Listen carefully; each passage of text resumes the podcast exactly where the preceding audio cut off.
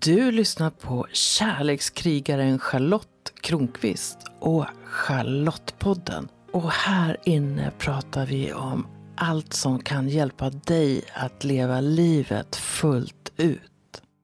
Hur ofta skrattar du åt någon? Och när skrattar du med personen? Jag har genom livet tyckt riktigt illa om att bli skrattad åt. Jag får lätt känslan av att den eller de som skrattar åt mig samtidigt hånar mig. Att de tycker att jag är dålig på något sätt. Att jag är skrattretande. Och att det är skönt att skratta på min bekostnad.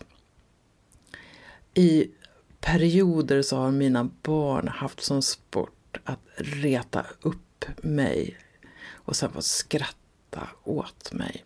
Jag tränar fortfarande på att räkna till tio och inte jaga upp mig när det är så uppenbart att deras enda syfte är att få mig att bli sur eller ledsen eller så och då kommer deras skratt.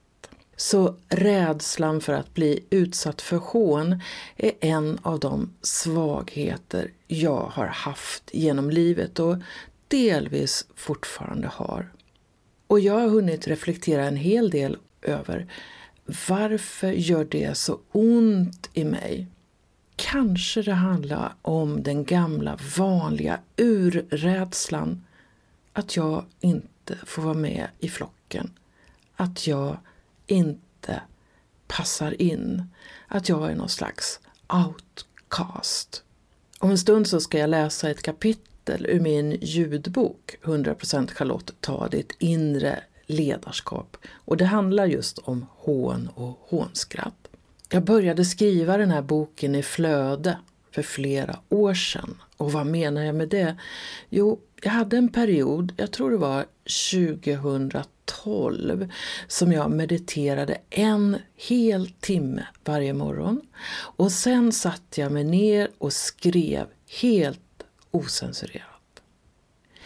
Och det kom ut massor med texter som jag inte ens visste skulle bli en bok. År senare upptäckte jag att det fanns ett mönster att se i det jag hade skrivit. Jag kunde se att jag dels skrev om det som hade orsakat smärta genom åren. Det som jag har velat trycka ner. Det som skulle kunna ses som mina skuggsidor. Alltså det som jag inte vill kännas vid. Det som känns jobbigt det som jag skäms för. Och dels så skrev jag om det som har hjälpt mig att känna mig trygg i mig själv.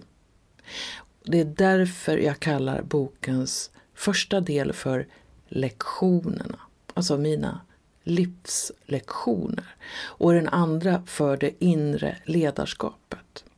Alltså där jag kan vara mig själv mer och mer. Och i den här boken så bjuder jag på mina egna erfarenheter. Mest för att du ska ha någon att spegla dig i. Och för att du ska få möjlighet att reflektera. Och fundera över dina erfarenheter. För även om jag en gång döpte boken till 100% Charlotte så skulle den på något sätt lika gärna kunna heta 100% du. Och kanske är det så att du snabbare än jag kan göra smarta livsval. Men det är också viktigt att inse att smärta är en del av livet. Att det hör till att göra bort sig, känna sig som en bluff, känna sig mindervärdig, vara arrogant eller vad det nu kan handla om för din del. Det är en del av livet. Och som jag ser det så ger livet mig och förhoppningsvis dig också många möjligheter att ta det där ledarskapet. Så länge jag försöker dölja delar av mig själv, så länge jag har pinsamma hemligheter, blir det lätt för rädslan att sprida sig i kroppen. För bland det värsta för många är säkert att någon finner en med fingrarna i syltburken. Men nu ska det alltså handla om skratt som gör ont. Jag kallar det hånskratt. Och även om jag inte blivit immun mot det så vet jag att jag idag inte behöver ta åt mig så mycket av det som andra skickar emot mig. Ofta säger de mer om sig själva. Innan du får lyssna på det här avsnittet så vill jag prata lite mer om känslan som kan uppstå i mig när jag känner mig skrattad åt. Den här episoden som jag ska berätta om, den nämns lite i förbigående i slutet av kapitlet. Men nu ska jag berätta hela händelsen ur mitt perspektiv för dig. Jag är åtta år och jag skulle nog kalla mig själv för rätt så lillgammal. Jag är stora syster. Jag följer med i nyheterna. Jag vill vara en duktig och fantastisk dotter till både mamma och pappa. Och framförallt så vill jag visa min mamma att jag lyssnar och att jag förstår. Ibland känner jag mig som 8-9-åring faktiskt, redan som om jag vore vuxen. Och det måste ju vara något lillgammalt över det. Framförallt så vill jag göra rätt. Och jag vill att mamma ska se allt det här. Jag vill liksom prestera något för att få mer av hennes varma kärlek. För jag älskar självklart min mamma. Till månen och tillbaks. Det här är på 1960-talet och vi har nyligen varit på Domusvaruhuset i Karlstad och gått på restaurangen där och jag har till och med fått wienerschnitzel. Och så är det dags för det obligatoriska toabesöket. Mamma tittar på mig och säger att man ska lägga toapapper på toastolen när man inte är hemma. Man vet ju inte vilka bakterier andra kan ha med sig. En liten tid senare så är vi på fest hos några av mammas och pappas nya vänner och vi är i det här huset för första gången. Jag blir kissnödig. Och jag minns det där samtalet vid toan på Domusvaruhuset och jag tänker att jag ska visa mamma hur duktig jag är. Så jag tittar på henne och viskar, ska jag lägga toapapper på toastolen här mamma? Redan när jag har sagt halva meningen ser jag att det börjar glittra till i mammas ögon. Det börjar dra i hennes läppar och jag vet att jag har sagt något dumt. Jag har gjort fel. Här behövs inget toapapper. Jag vet att mammas skratt kommer att börja bubbla när som helst och jag vill sjunka genom jorden. Jag är världens mest pinsamma barn. Så jag ser mamma i ögonen och så viskar jag Lova att inte berätta för de andra vuxna vad jag frågade om. Mamma nickar och säger att hon lovar. När jag sitter inne på toan hör jag hur de vuxna börjar gapskratta. Jag vet att jag är förrådd. Jag vill bara dö. Jag vill aldrig gå ut från toan. Jag känner mig totalt bortgjord. Jag vill inte att någon ska få se den här lilla tjejen som frågade om hon skulle lägga toapapper på toan hemma hos mammas och pappas nya vänner. Till slut går jag ut. Jag låtsas som ingenting. Jag tränar på att vara en isprinsessa. Men inom mig bränner tårarna. Och efter den här händelsen är jag mer känslig för att andra skrattar åt mig, särskilt när det sker bakom min rygg. En intressant aspekt av den här historien är att jag har berättat den som ett skämt under halva mitt liv. Jag har berättat den för att också visa hur känslig den där lilla flickan som var jag var. Ibland har jag berättat för att de ska få skratta med. Eller är det kanske åt min åttaåring? Det är som att jag ganska ofta har hanterat inre smärta med att skämta bort det. Sen var det faktiskt en tid då jag kunde berätta historien och känna smärtan jag hade känt som barn. Och numera kan jag se med djup kärlek både på min mamma och mig. Jag vet att hon inte gjorde det av elakhet. Hon tyckte jag var så gullig. Det har jag fått höra många gånger. Men det här minnet har också gjort att jag har frågat mina barn, får jag berätta om och respekterat deras svar, även när de har sagt nej. Just för att de ska slippa få den där nära döden-upplevelsen jag en gång hade. Jag har också sett att det här, den här känslan av att bli hånad har triggat igång en annan känsla. En vilja att försvara mig. Som att jag istället för att backa och känna mig som ett offer tar ett steg framåt och står upp för mig själv. Som i episoden då jag skrek till finnen som du strax ska få höra. Och då jag faktiskt äntligen kom i kontakt med min ilska och min energi. Ett förlösande möte. Men nu är det dags att lyssna på kapitlet. 16. Rädsla för känslor. Hån. Känslan av att bli hånad är en av de värsta och särskilt när det kopplas till skratt. Hånskratt har jag fortfarande svårt att värja mig emot. Jag vet inte vad det betyder men genom livet har jag känt mig extremt kränkt när någon har förlöjligat mig. Extra starkt har det känts när någon har hånskrattat åt mig. I sådana situationer har jag känt flyktinstinkter. Det intressanta är att hånskrattet var det som hjälpte mig att komma i kontakt med den ilska jag tryckt ner i decennier. Så paradoxalt kan livet vara. Episod När finnen hånar mig får jag kontakt med ilskan. Jag sitter i kursrummet när kursledaren spänner ögonen i mig. Charlotte, du är väldigt arg. Det är dags att du visar din ilska nu. Jag blir förkrossad av hennes ord. Förstår inte vad hon menar. Jag känner mig helt lugn och hennes ord känns orättvisa. Kursledaren vänder sig till gruppen och frågar om någon av dem kan känna min undertryckta ilska. Alla räcker upp handen.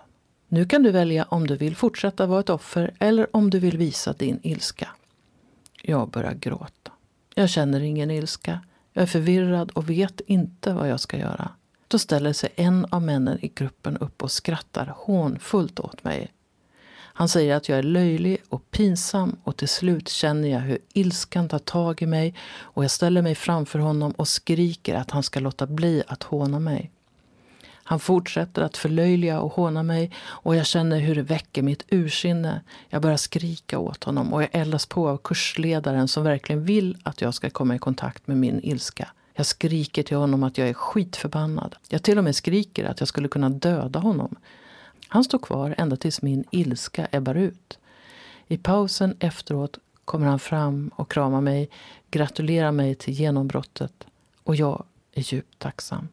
Äntligen har jag kontakt med min ilska igen.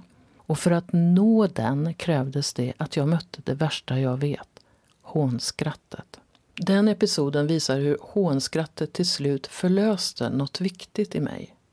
Det gjorde att jag återknöt kontakten med ilskan i mig och förmodligen också bidrog till att jag började känna mig mer levande. Samtidigt har det varit så att skratt varit en fristad i mitt liv. Alltså det skratt som inte är kopplat till hån. I min familj är vi många som skrattar högt. Pappas skratt kände hela bygden till. Det var inte så kul när jag var 14 och mina föräldrar valde att gå och se Mazurka på sängkanten och satte sig mitt i biosalongen och pappa skrattade högst av alla. Det kändes oerhört pinsamt för mig som satt i samma salong. Det är en skön känsla att släppa fram skrattet. Ibland får jag skrattattacker så jag måste spotta te tillbaka ner i koppen för att inte spruta ut över de som sitter vid bordet. De som är nära mig vet, nu kommer Charlottes gapskratt. Ändå har skratt varit en akilleshäl i mitt liv. Jag har många gånger känt mig tillintetgjord när andra har skrattat på min bekostnad. Jag minns när jag började höra de vuxnas rungande skratt när de berättade något roligt som jag sa som barn. Och jag skämdes att jag ville dö. Jag såg inte det roliga i situationerna utan kände mig utpekad och hånad. Ibland tar vuxnas kommentarer till ett barn mycket hårdare än avsett. Vuxna kanske inte är medvetna om att barnet känner sig förlöjligat. De kanske bara vill berätta något gulligt som barnet sagt eller gjort. Jag har fått träna på att andas igenom hån, att stå ut, att ibland välja att inte känna mig hånad, att tänka att de inte menade något illa. En del kommentarer har också gjort nästan fysiskt ont, som när jag fick en kommentar om hur jag skrattade. Episod Du skrattar som en åsna. Jag minns en tjej på ett jobb. Hon som var kvickast av alla. Hon som vred och vände orden fyndigast. Hon som kunde säga saker som dröp av sarkasm och vi skrattade. Fast en gång kommenterade hon mitt skratt med Du låter som en åsna när du skrattar. Då var min självkänsla normalt i knähöjd och hennes ord sänkte den ner till anklarna. Jag tror inte att jag har skrattat i hennes närvaro sedan dess. Jag funderade mycket på om jag lät som en åsna när jag skrattade och om det betydde att jag hade ett särskilt fult skratt och borde lägga mig vinn om att skratta tyst. Efter den händelsen började jag känna mig mer obekväm med mitt skratt eftersom det skedde i samma veva som jag också fick kritik för andra känsloyttringar. Din läxa. I vilka situationer kan du känna dig hånad eller förlöjligad? Ja, nu kan du ju fundera lite grann på den där frågan som är i slutet på kapitlet. I vilka situationer kan du känna dig hånad eller förlöjligad? Och lyssna gärna på fler avsnitt ur 100% Charlotte, ta ditt inre ledarskap. Då och då kör jag ju ett kapitel här i podden som jag pratar lite extra om. Eller så kan du gå till en nätbokhandel och köpa hela ljudboken och lyssna i din takt. Och då enbart höra själva boktexterna. Jag brukar ju kalla mig för en kärlekskrigare. Och jag tänker att den egenskapen är så viktig idag. Och i grunden handlar det ju mycket om att du kan älska dig själv precis som du är. Och behöver du hjälp med den här självkärleken så får du gärna ta kontakt med mig. Jag både coachar, ger sessioner och så ordnar jag ju lekfull tantrakurser. Och är du en sån som tycker om att träna för dig själv så har jag en rad onlinekurser. Det finns en som heter Lekfull tantra men det finns också ett par stycken som handlar om att ta makten i sitt liv respektive att älska sin kropp. Och du hittar dem på min hemsida charlottekronqvist.org. Kom ihåg att prenumerera på Charlottepodden så att du är med när nya avsnitt kommer. För vem vet vad du kan få lära dig om livet i det avsnittet. Rekommendera gärna podden till en vän så är du med och sprider vetskap om att den här podden finns och berätta vad den ger just dig. Jag skulle bli så glad om du också går in i din podcast-app och lämnar en kommentar eller skriver en recension av podden. Ju fler som gillar podden öppet, desto fler kommer också att hitta den.